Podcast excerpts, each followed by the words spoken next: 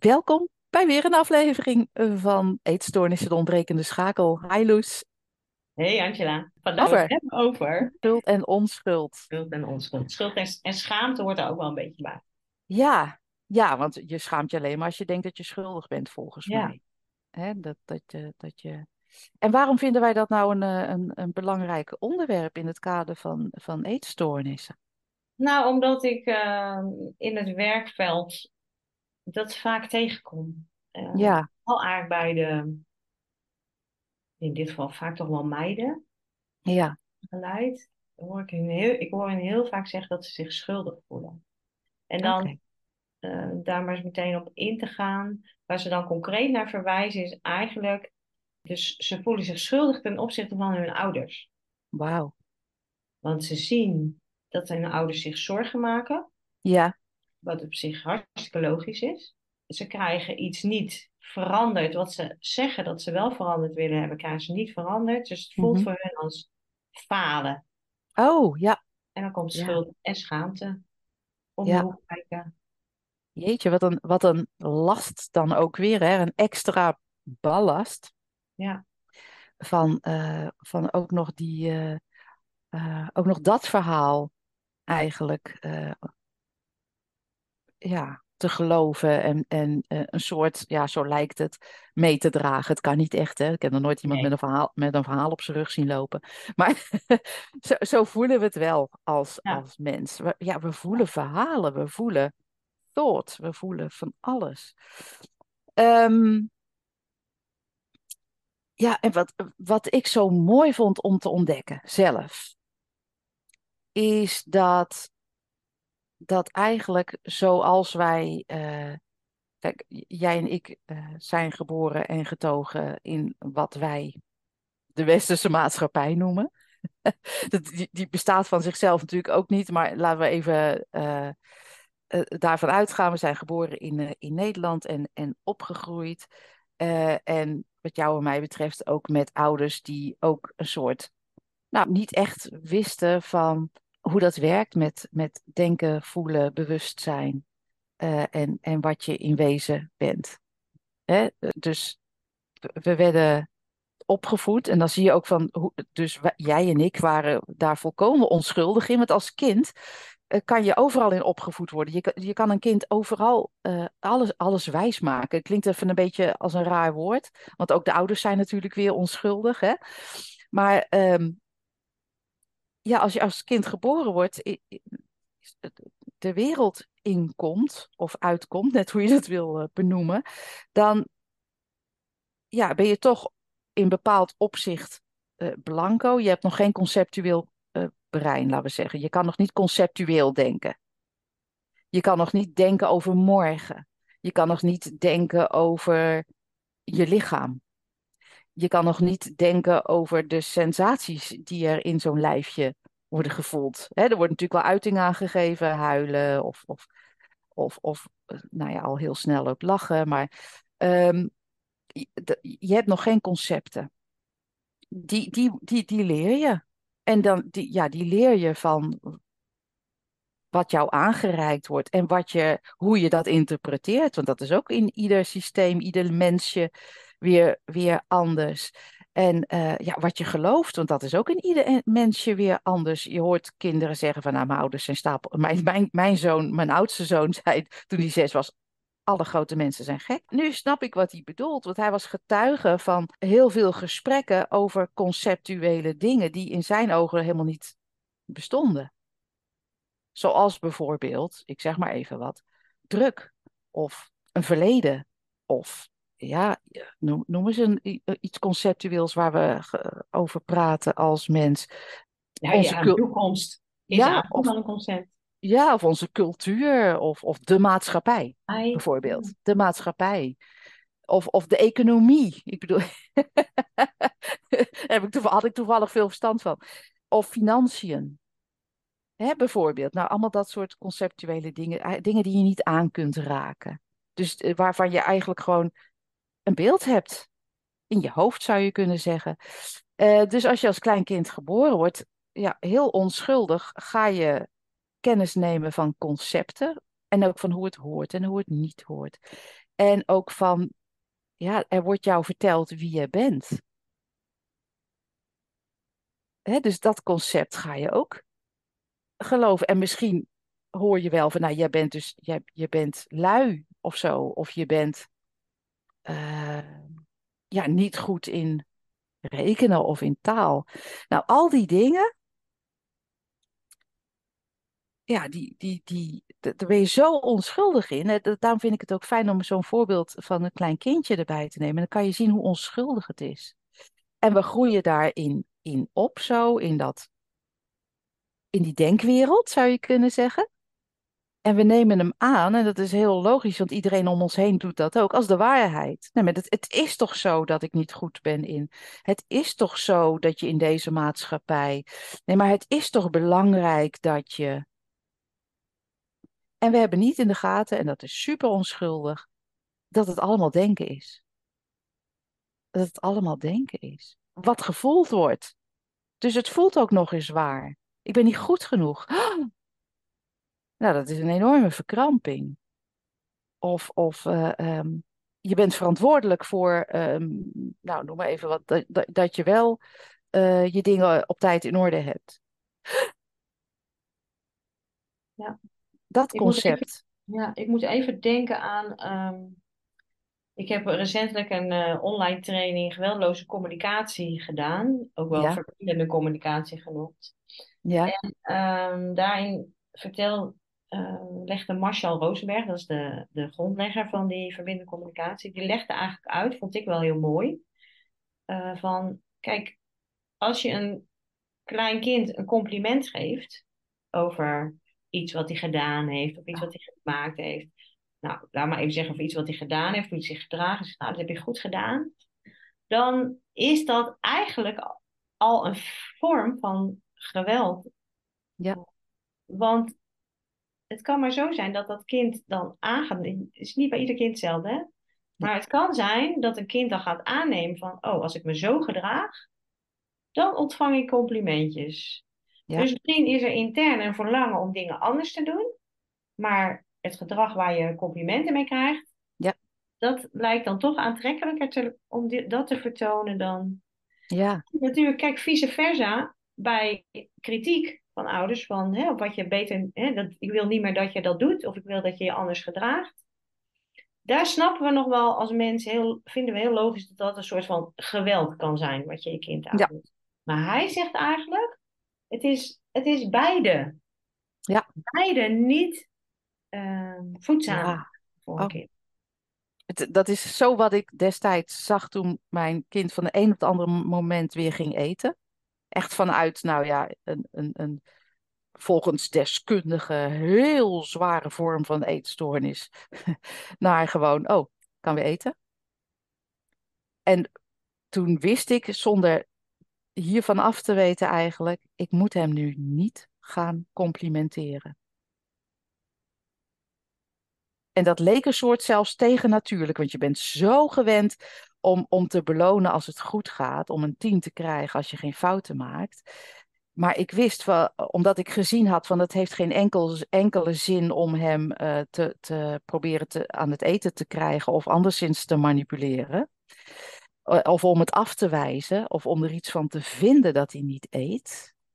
Dat had ik gezien. En toen hij wel weer eten, ging eten, toen was voor mij heel helder. Ik weet ook niet waar dat vandaan kwam. Nu ook niet belonen. Want dat, zou het, dat is exact hetzelfde mechanisme. Ja. Ik mag hier, en, en dat is. Dat lijkt een onmogelijke opdracht als je, als je niet uh, uh, geen kennis hebt genomen van die drie principes of een andere stroming die in dezelfde richting wijst. Is het onmogelijke opdracht om neutraal te zijn hierin? He, want vaak hebben wij aangenomen niet eten betekent de dood en wel eten betekent de redding. Uh, maar het is vanzelfsprekend als je gevoel krijgt voor, nou ja, hoe het, hoe het werkt. En dat schuld en onschuld, of dat schuld eigenlijk niet bestaat, laat ik het zo zeggen. Dat Nee, schuld in gewoon wezen niet is het ook een bestaat. concept, hè? Het is ook gewoon een gedachte. Dat is het. Het is gewoon een gedachte. Ja.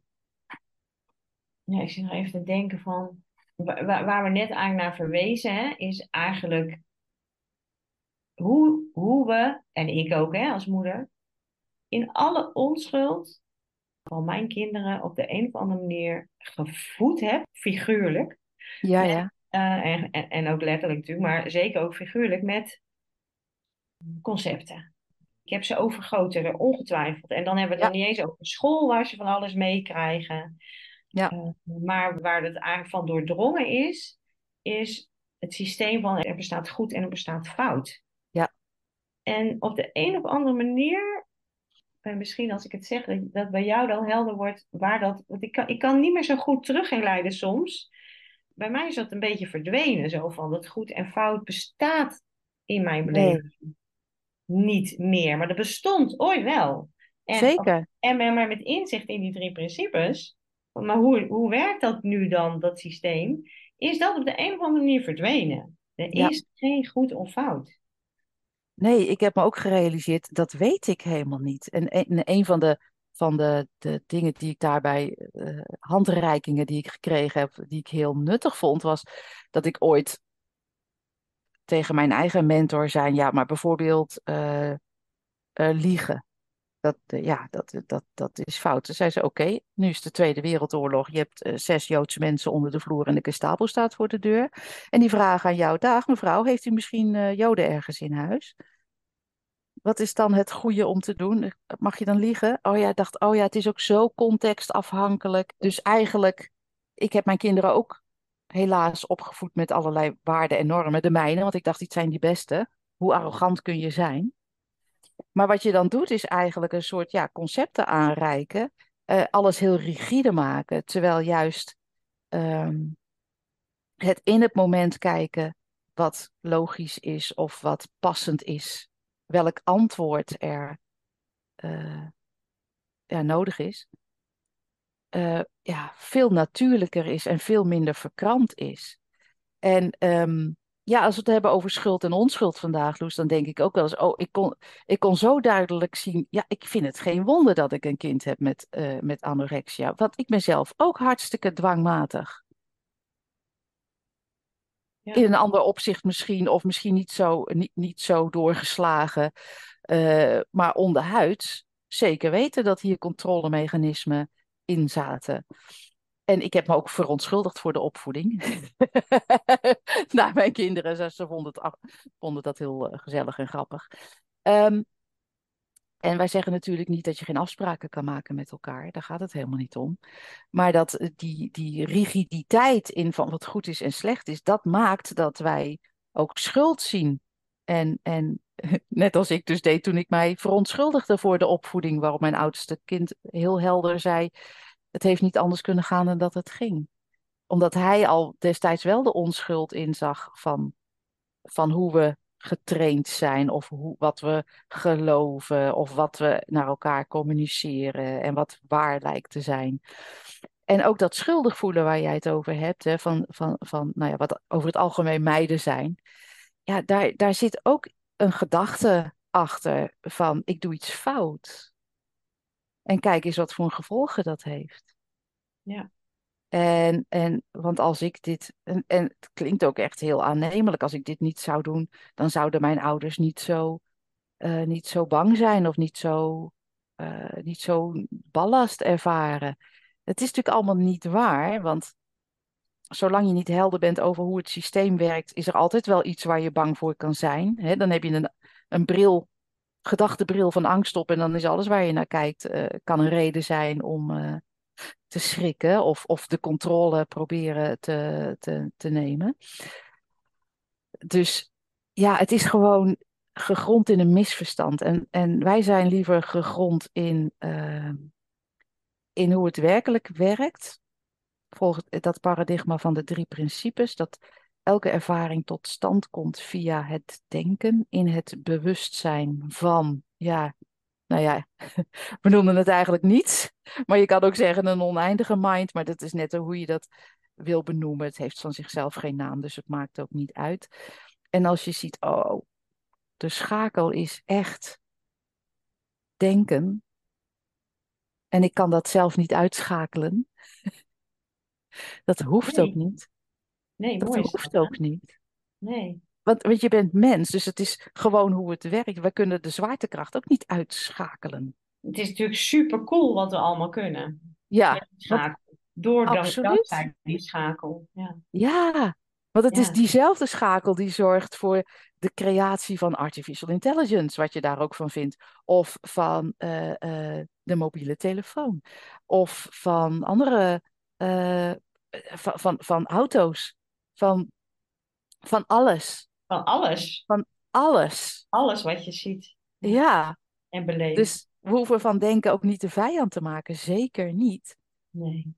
Maar laat die schakel helder zijn van, ach, er is niets.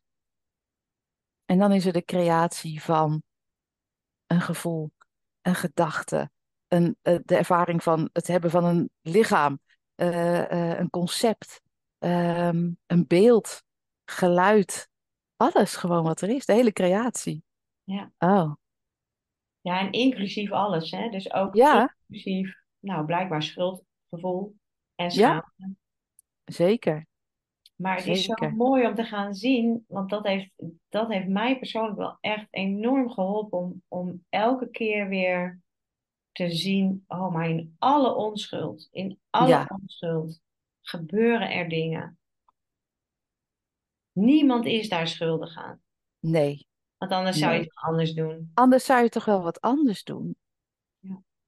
Het, het is zo eh, helder voor mij dat iedereen gewoon zijn best doet, gebaseerd op het denken wat in dat moment geloofd wordt. Ja. Hè, zelfs een moordenaar, om, om maar even iets te noemen, hè, een extreem voorbeeld kan soms eh, nuttig zijn. Ehm, denkt op het moment van de moord dat hij niet anders kan, want anders zou hij wel iets anders doen, want niemand wil van zichzelf degene die hij als medemensen ziet kwaad doen. Daar moet een enorme verkramping achter zitten. Ja. En een verkramping is altijd ja, dat, dat mechanisme van, Ja. van denken, wat positief kan zijn en negatief. Ja. Wat, Ja, want dat is wel mooi dat je dat nog even zegt. Want even in het voorbeeld zeg maar, van zo'n anorexia mensje, ja, mensje. mensje die zich schuldig voelt over wat Ja. er allemaal gebeurt in haar leven en met haar lijf. En ehm, dat is eigenlijk ook een soort verkramping wat wat ze voelt. In wezen is elke verkramping eigenlijk een seintje, een signaal van hé, hey, je denkt jezelf weg bij Ja, welzijn. Ik weet niet hoe dat. Ik denk dat dat de mooiste term ervoor is. Je denkt ja, jezelf weg bij welzijn. In alle ja, onschuld. Maar hallo, het is een signaal. Het is Het is een eigenlijk een signaal. signaal. Ja, en meer, meer verhaal is het niet dan een signaal. Wat, Ja, eh, of een wekkertje zeg ik ook wel eens, wat je even weer wakker kan maken van, oh ja, daar zit mijn welzijn niet. En, en ehm, nee, kijk, als je toevallig eten hebt, eh, al- als toevallig eten is gekozen als, als manier om, om die gevoelens, eh, waarvan we niet wisten wat ze waren, te handelen of te managen of te manipuleren of eh, weet ik veel, dan kon je op dat moment niet anders. En, en als het nu nog steeds zo is, dan kan je op dit moment niet anders. En dat geeft gewoon niet. En jij en ik, Loes, hebben gezien dat het ook zomaar kan veranderen. ja, Want de aard van denken, van thought, van die missende schakel, van die creatie is heel vloeibaar. Dus je kan ook zomaar realiseren, oh, ik denk dat ik het niet kan, maar oh, kennelijk kan ik het wel. Ja, dan- want er kan zomaar een andere gedachte ontstaan, zomaar een andere beweging ontstaan. ja, Maar heel fijn om, om je te realiseren, alles, iedereen, hè, waar je ook in het, in het veld van eetstoornissen je bevindt of waar je ook speelt, als, nogmaals als, als cliënt, als ouder, als begeleider, als hulpverlener, als toeschouwer, als hoe je het ziet, is volkomen onschuldig. Want je gaat er niet over wat je denkt en wat je aangeleerd hebt en wat je gelooft. En er is altijd oneindige oneindig veel van dat creatiemateriaal, wat denken is, eh, beschikbaar. Dus het kan ook zo veranderen. is een mooie om mee af te sluiten, denk ik, voor vandaag.